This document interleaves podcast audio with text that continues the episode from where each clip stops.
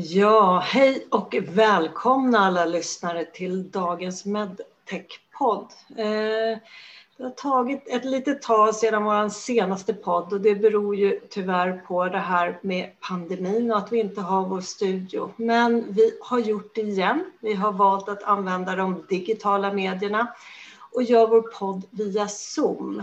Så att eh, det kommer att bli en väldigt intressant podd idag, det tror jag säkert. Eh, det vi ska prata om, det är ett ämne som ligger mig väldigt varmt om hjärtat. Det handlar om frågan kring återanvändning av medicintekniska engångsprodukter. Eh, och det kan ju vara en del av er lyssnare som känner till det att Socialstyrelsen publicerade här precis före jul en rapport kring återanvändning av medicintekniska engångsprodukter. Och anledningen till det här är att vi får ett nytt medicintekniskt regelverk i hela EU faktiskt nu, eh, 26 maj i år, 2021. Det här regelverket förbjuder i grunden återanvändning av engångsprodukter, men det har öppnat upp en möjlighet för medlemsstater att besluta annorlunda om man då på nationell nivå vill göra det. Och i Sverige tittar man just nu på möjligheten att tillåta återanvändning. Eh, och jag tänkte att jag ska prata med någon som kan berätta lite mer om vardagen kring det här. Och jag har en gäst som heter Annette Eriksson Andersson som ni kommer att träffa.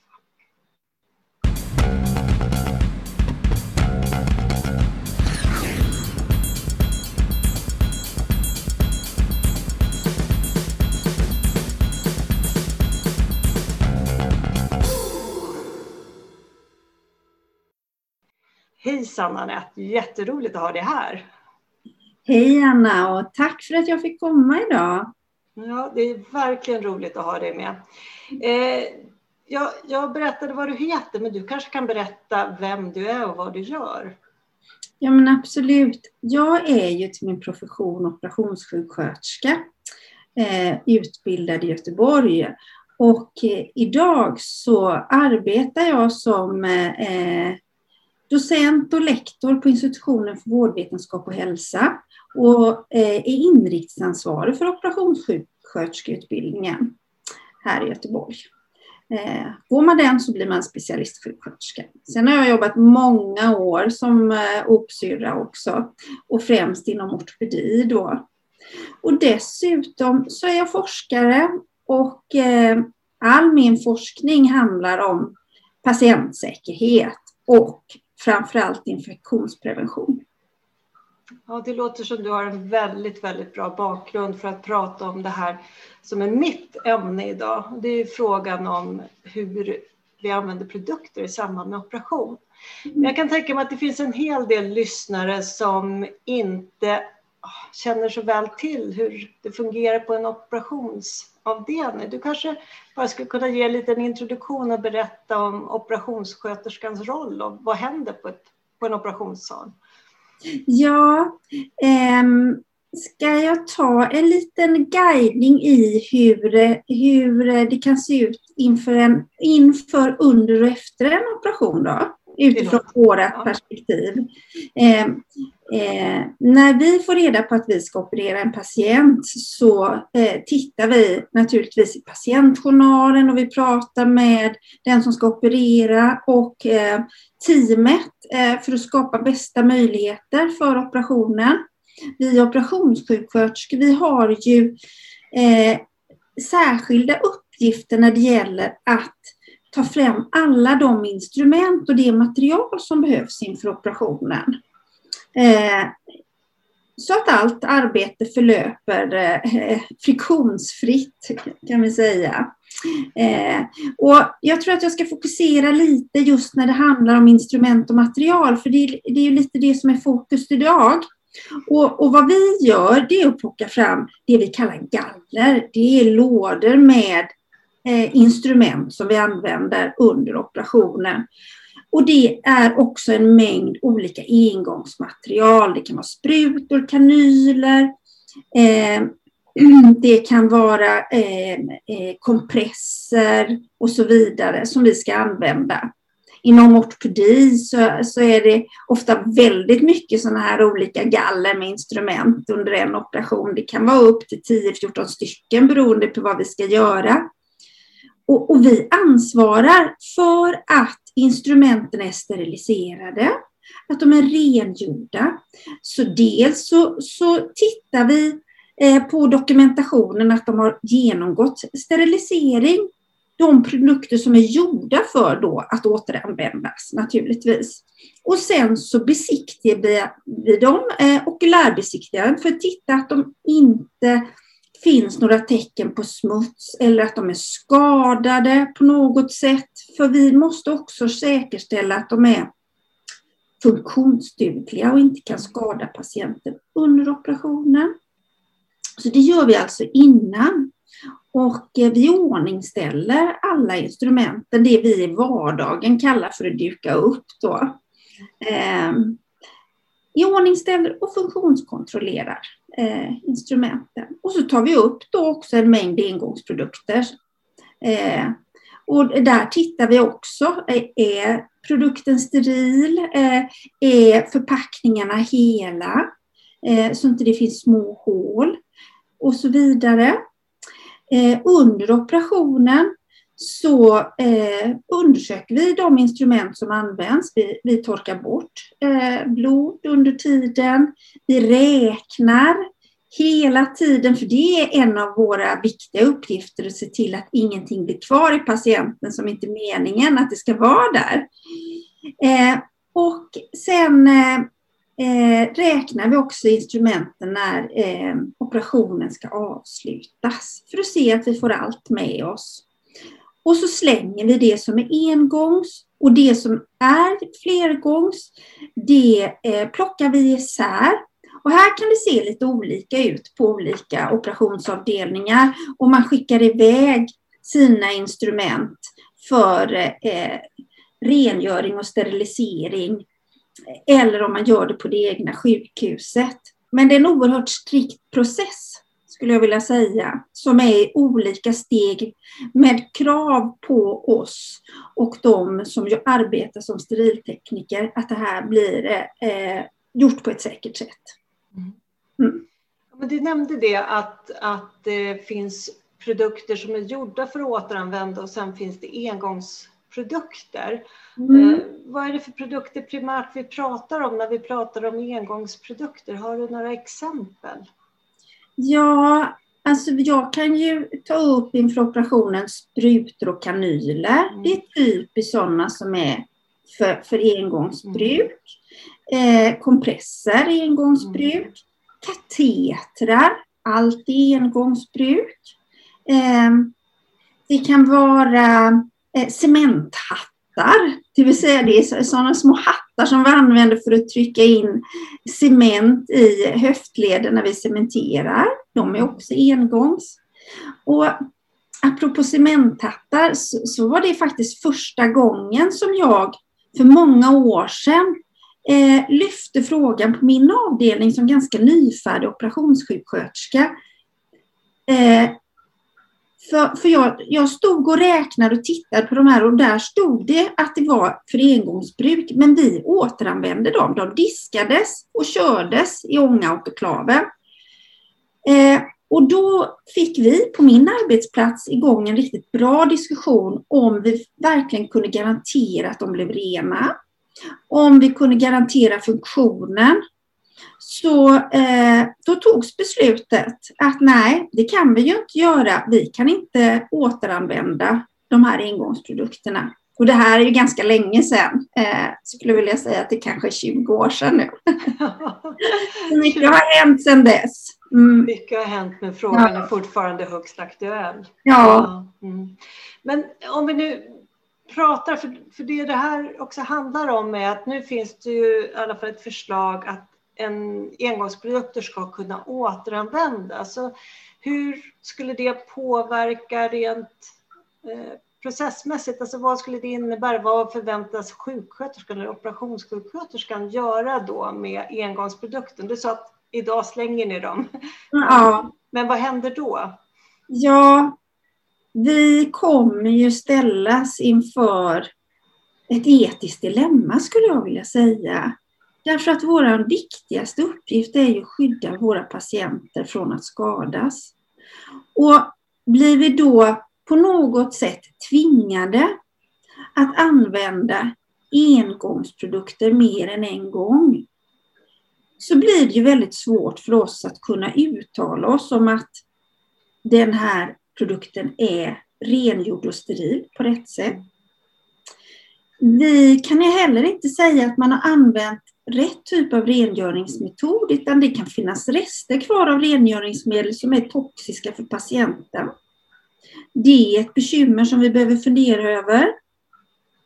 Vi vet inte heller om eh, produkten fungerar på det sättet som är tänkt att göra.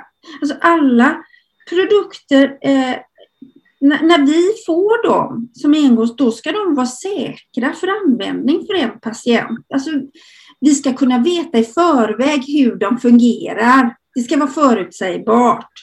Eh, eh, och det kan ju inte vi eh, garantera som operationssjuksköterskor när vi plockar upp en engångsprodukt som kanske har blivit resteriliserad på något sätt, oklart hur, ett flertal gånger.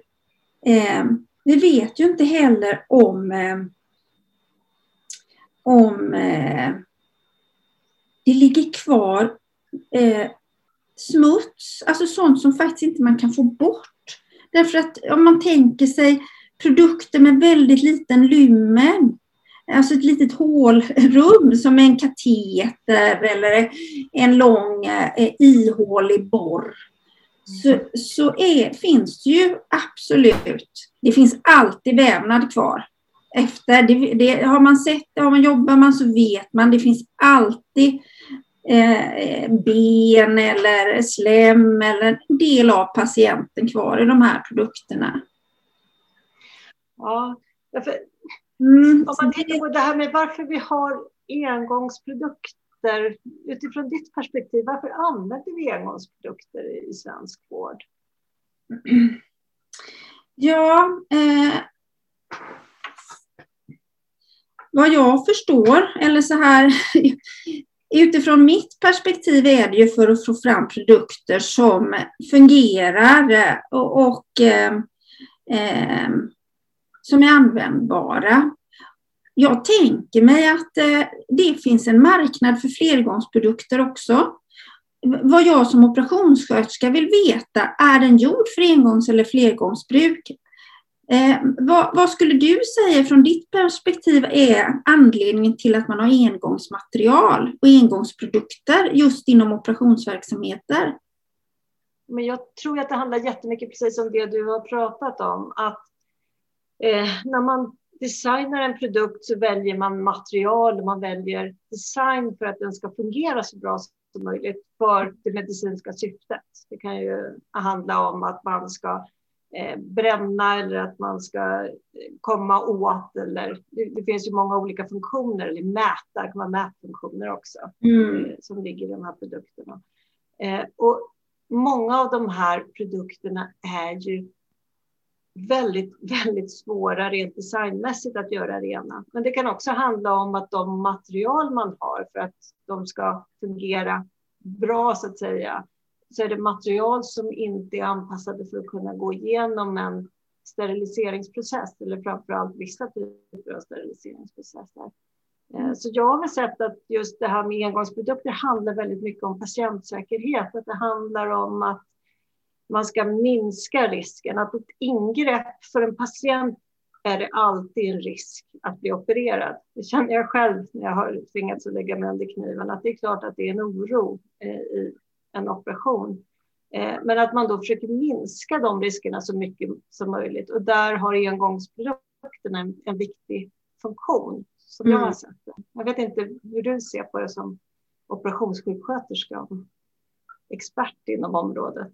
Ja, alltså jag är ju expert på operationssjukvård. Jag är inte så stor expert på hur man tar fram produkter eh, så att de blir patientsäkra det kan jag inte så mycket om. Jag vet bara att de produkter vi använder, oavsett om de är engångs eller flergångs, vi måste kunna garantera att de är sterila på riktigt, att de inte skadar våra patienter. Eh, och om de ska återanvändas så ska det vara en flergångsprodukt. Jag har väldigt svårt att hitta någon som helst syfte med att inte eh, i så fall vilja upphandla flergångsprodukter som är gjorda för resterilisering, om det går. Och så finns det eh, eh, produkter som är så eh, små med så många olika delar och så små lumen att vi vet att det, det kommer vara i princip omöjligt att kunna sterilisera dem eh, Eh, eh, med de möjligheter som vi har inom sjukvården. Och då behöver vi engångsprodukter och det är till exempel hjärtkatetrar. De består ju av högteknologi i väldigt, väldigt liten form. Eh, så. Och ehm, Eh, tittar man på hur de ser ut efter användning och om man har försökt att göra rent dem och sterilisera så ser man att det är omöjligt. Det går inte att få dem sterila efter helt och hållet. Risken finns alltid. Ja, precis. Nej, och, och vi tittar ju lite på det här, men, men en sak som man som lekman väl kan fundera kring det du säger, att det är väldigt svårt att få dem rena. Är det, är det en risk att man kan infekteras av en sån här återanvänd produkt? Eller? Ja, det är ju kanske det som jag ser som en av de stora farorna när man återanvänder engångsprodukter. Därför att eh, vi operationssjuksköterskor, vi har ju ett övergripande ansvar för att patienten inte ska drabbas av en infektion i samband med sitt ingrepp. Därför att infektioner kan få så stora och ödesdigra konsekvenser för patienterna. Eh, och eh, har man då produkter som inte är sterila, då för man alltså in bakterier i patienten. Och är patienten eh, redan skör innan så vet vi att det ska inte till så många eh, bakterier eller prioner eller vad det nu rör sig om för att kunna initiera och skapa en ny infektion hos den här patienten. Och, eh, om man tittar på Sverige i stort så vet vi att fortfarande är vårdrelaterade infektioner eh, en av de allra eh, största eh, vårdskador, eller de allra vanligaste vårdskadorna inom sjukvården och också den allra dyraste.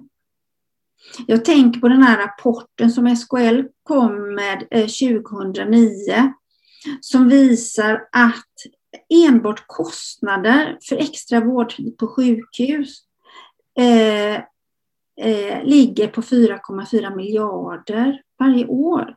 Och det är 6 procent av hela den somatiska vårdbudgeten. Så man förstår att det här är ett problem.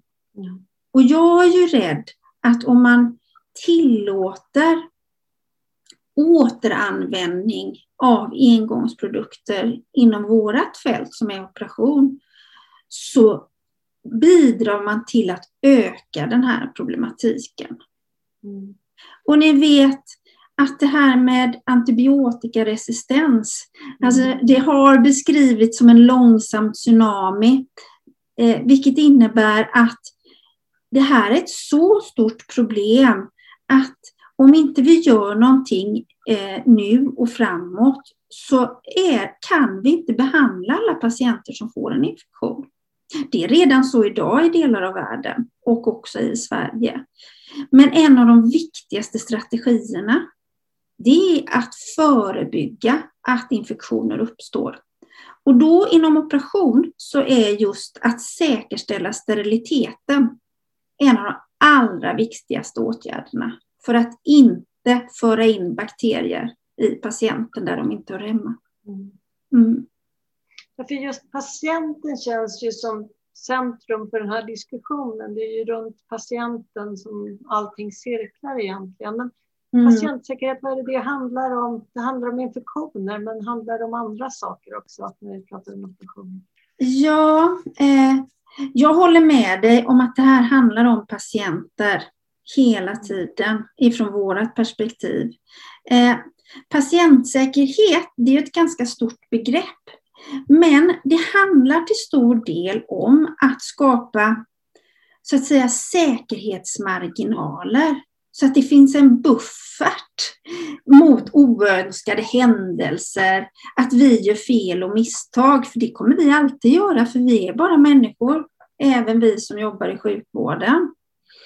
Och för att kunna skapa den här bufferten så behöver man skapa säkra system där de här säkerhetsmarginalerna är inbyggda och där riskerna för att enskilda individer eller organisationen ska kunna göra riskfyllda saker minimeras. Eh, och jag tänker också för att skapa de här säkra systemen så behöver man förstå hur komplex vården är och att ingen enskild person, alltså inte bara jag som operationssjuksköterska eller en kirurg eller någon, eh, någon annan har möjlighet att liksom förutse eller skapa en rimlig prognos på vad som kan hända. Så det man faktiskt behöver det är eh, personer med olika kompetens som tillsammans kan göra proaktiva riskbedömningar.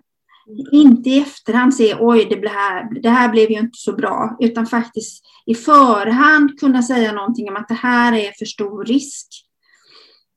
Och det är väl utifrån det här perspektivet som jag ser att det är tydligt att Socialstyrelsens rapport lämnar en öppen spelplan för att införa riskfaktorer som minskar den här viktiga säkerhetsmarginalen och därmed bygger in en minskad patientsäkerhet i själva systemet. Och det här tycker jag är ett oerhört stort problem. Alltså jag funderar ju också på det, jag som patient. Eh, för det har ju varit en diskussion om det är relevant för mig som patient att känna till om, eh, om man tänker använda en återanvänd engångsprodukt på mm. mig. Och jag kan ju känna att, att för min del skulle jag väldigt gärna vilja veta det, men vad, vad säger du utifrån det professionella perspektivet? Tycker du att patienter har någon anledning att känna till det här? Mm. Alltså när man får en sån här fråga, så det första som händer, det är att man börjar fundera på, okej, okay, låt säga att jag eller kanske min gamla sköra mamma skulle opereras. Skulle jag vilja veta det då? Skulle jag vilja veta eh, om det här är en engångsprodukt som använts flera gånger och nu ska användas igen? Självklart säger jag att som patient så vill man det. Eh, det, det fin, har ju alltid funnits liksom en, en skillnad mellan vad vi in, som eh, professionsföreträdare, läkare, sjuksköterskor tycker är viktigt för patienter och vad patienter själva tycker är viktigt. Ehm, eh, men jag, vi har väl ändå kommit så långt idag, tänker jag, att vi ser vinsten av att se patienter som en partner i vården. Att patienten har rätt, eh, även genom lagstiftning, att delta i planeringen av egen vård. Och här tycker jag att med tanke på vad stort problem det är med vårdskador så anser jag att det är självklart att patienten ska informeras om att man, att man inför sin operation att vi kommer att använda en engångsprodukt som används x antal gånger på dig igen. Mm. Så. Ja, för det, det där är också en, en intressant eh, fundering som man kan ha som patient. Vem är det som ska bestämma hur många gånger som produkten kan återanvändas och vem som får den nya produkten och vem som får det den tionde gången? Ja.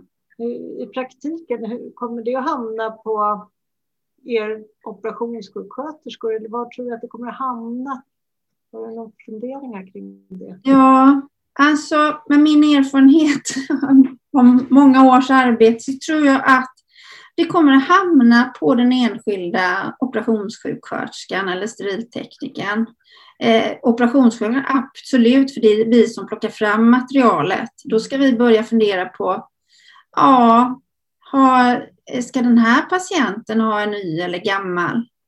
Ska jag då göra en riskbedömning? Är patienten eh, nedsatt immunförsvar? Ska jag då välja en ny eller en gammal? Och om jag, om jag då bestämmer mig för att nej, men den här patienten måste ha en, eh, en, eh, en ny och en annan patient kan ha en återanvänd, då har jag ju eh, på något sätt sagt att den ena är inte lika säker som den andra. Mm. Eller hur? Och det är de ju inte heller. Så det blir en oerhört etisk stress skulle jag vilja mm. säga. Och när jag tänker på hur det fungerar inom systemen, alltså eh, eh, Eh, så det här med resterilisering av engångsprodukter, vi vet ju att det görs redan idag. Men om man läser IVOs rapport från 2019 så visade det sig att samtliga universitetssjukhus som ägnade sig åt detta saknade nödvändig eh, dokumentation kring det här med resterilisering. Och jag är inte alls förvånad, för vissa saker hamnar eh, eh, liksom bara emellan allting. Och jag är rädd att eh, här öppnar vi upp för så mycket eh, möjligheter för att det ska gå fel. Mm. Vem ska bestämma? Jag vet inte vem ska bestämma hur många gånger man ska använda. En, två, tre, fyra. När, när, eh, vad händer om eh, någonting går sönder? Alltså den här produkten som är tänkt en gång fastnar i patienten och går sönder. Man tappar små komponenter in i patienten. Mm. Det kommer vi just oroa oss för om det här blir verklighet. Det är många etiska frågor. Ja, Verkligen. Och därmed behöver patienten involveras i detta. Mm. En annan fråga som ju har varit väldigt aktuell under det senaste året, nu när vi har levt under en pandemi, är ju att det har förts fram argumentet att för att vi ska kunna hantera kriser så måste vi få återanvända produkter. Mm. Har du några tankar kring det? Det väl, kan ju vara jättebra kanske att att kunna köra de där eh, slangarna som man behöver. Ja. Som är svåra att köpa på marknaden. Ja, alltså det här är ju svårt. Eh, eh, jag tänker mig att eh, det finns säkert situationer i krig och riktigt allvarliga kriser som gör att man måste ta till extraordinära åtgärder för att kunna operera patienter. Jag inser det. Men det är undantag. Jag anser att vi måste eh, skapa förutsättningar för att ha en, eh, en motståndskraft i våra sjukvårdsorganisationer för att kunna hantera olika typer av kriser. Eh, vi kan inte liksom lagstifta eh, och, och, öppna möjligheter för, för eh, sådant här i det dagliga arbetet. I så fall så är det ju bättre att när en kris uppstår, okej, okay, då får man ta beslutet och göra det och dokumentera det noggrant. Men låt oss inte bygga in risker i våra säkerhetssystem och utsätta patienterna i onödan när det inte behövs. Nej, nej precis. Nej. Och just utifrån smittperspektivet och så, så kan det ju kännas lite märkligt att prata återanvändning när vi lever så att säga, i en pandemi och vi vet inte vad som kommer nästa gång. Men, Nej. men mm, det känns eh, som ett väldigt märkligt argument naturligtvis. Mm. Mm. Och det är också ett märkligt argument tycker jag som, som eh, eh, därför att eh, återanvänder man vissa typer av produkter, låt säga att vi ska återanvända sprutor och kanyler i kris, vi ska eh, katetrar av olika slag, då blir det en risk-nyttanalys Därför att risken är ju väldigt stor att patienten drabbas av en annan typ av infektion samtidigt som risken för den här kanske pågående pandemin finns hela tiden. Mm. Eh, så ja, det är verkligen i kris som man behöver göra det här och ha samtal om det, inte i vårt dagliga arbete i Sverige idag, skulle jag vilja säga. Nej. Nej, men du sa det, du har mött ändå i, i din egen erfarenhet tidigare på operationsavdelning det här att, att man återanvänder engångsprodukter. Mm. Och, och, du sa också att, att det sker ju i Sverige idag. Är det här någonting som sker i stor utsträckning idag tror du? Eller handlar det kanske mer om eh, specifika områden och så som, mm. där man ägnar sig åt det? Alltså, jag har inga säkra siffror. Jag kan bara prata utifrån egen erfarenhet. Mm. Eh, och det, jag skulle vilja säga att det är sällan mm. eh, som jag har stött på det. Enstaka saker. Eh, det är eh, inom vissa områden. Inom mitt område ortopedi har vi ju faktiskt vetat ganska länge att det här med att vi har brickor med skruvar eh, till exempel, som skickas in och ut på operationer och resteriliseras om och om igen. Eh, det har vi vetat om ganska länge, eh, att nu kommer snart en ny förordning och därför så ser jag att det har skett ett oerhört medvetet och stort arbete med att fasa ut de här brickorna utan att man tar upp de skruvar som man mäter och så passar, passar det till patienten. Så. Eh, Mm, så jag tror det är vissa områden och eh, det jag vet så sker det inte särskilt ofta, tack och lov. Mm. Nej, det är ju, som patienter det är ju skönt att höra. Ja. Det känns faktiskt väldigt, väldigt bra. Ja. Ja. Men, men, mm. men jag tänkte just på det här äh, igen då utifrån patientperspektivet. Nu är vi ju i en situation när man diskuterar att införa en lag som möjliggör återanvändning. Mm. Eh, har du några medskick till våra lyssnare mm. utifrån det vi har sagt nu om återanvändning av engångsprodukter? Saker som du tycker är viktiga att, att vi tar med oss?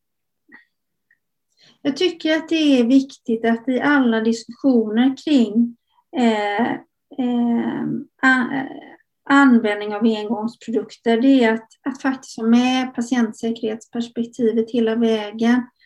Och när man eh, eh, har diskussioner kring de här sakerna, alltså förarbeten till rapporter, jag vet inte hur förarbetet sett ut, så är det jätteviktigt att man eh, bjuder in patientrepresentanter.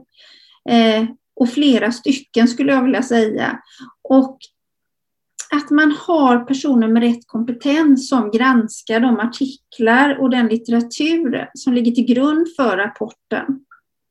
Eh, för det finns en hel del kritik att rikta eh, till rapporten tycker jag, eh, baserat på hur man drar sina slutsatser. Det kanske vi inte hinner gå in på här, men, men som forskare ser jag att det är viktigt att man förstår området för att kunna dra rätt slutsatser. Eh, att man har eh, flera olika kompetenser som tillsammans kan eh, göra riskbedömningar med ett nytt arbetssätt. Mm. Och alltid, alltid ha patientens väl och ve i centrum. Och att inte det bara är ett ord, utan det faktiskt är så. Ja, nej, det är ju den enda anledningen till att vi har en hälso och sjukvård är ju faktiskt att vi ska göra det bästa vi kan för patienten. Det är mm. det som är kärnan i det hela. Mm.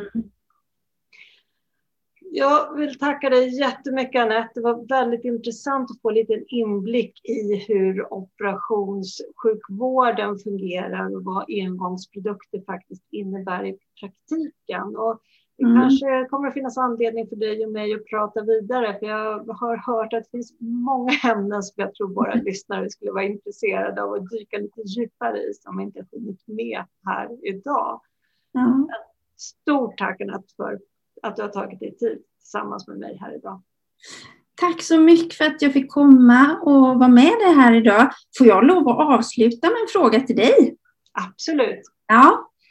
Man hör eh, ofta argument eh, när man läser, jag har läst lite debattartiklar om det här eh, med återanvändning och då hör man att, att det sägs att medtechföretag, deras stora intresse är enbart att tjäna pengar och det är därför man skapar engångsprodukter.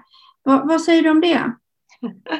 Ja, jag har tyvärr hört det många gånger och jag tycker att det är faktiskt nästintill kränkande för att eh, medtechföretagen, precis tror jag som du som operationssjuksköterska och som jag hoppas läkaren och även undersköterskan, alla går in i det här för att man vill skapa bättre förutsättningar för en patient. Man vill rädda liv, man vill förbättra livskvalitet. Och för att ett medtechbolag ska ha ett existensberättigande så måste man bidra till att göra vården så bra som möjligt. Och det är den utvecklingen som engångsprodukterna har kommit. De har kommit som ett svar på behov i vården. Det har faktiskt inte kommit utifrån de ekonomiska förutsättningarna. Eh, och jag tror också att det är jätteviktigt att vården ser på leverantörerna och industrin här som partners. Så att i de delar där man känner att man har behov av andra typer av produkter. Och det kan ju handla om att man vill kunna rengöra en viss produkt av en anledning. Eh, då är det någonting som man ska prata med eh, tillverkarna om. För mm. att det enda existensberättigandet för ett medtechbolag är att man gör bra produkter för patienter som faktiskt kommer till användning i vården. Tack Anette. Ja, men tack själv. Yeah.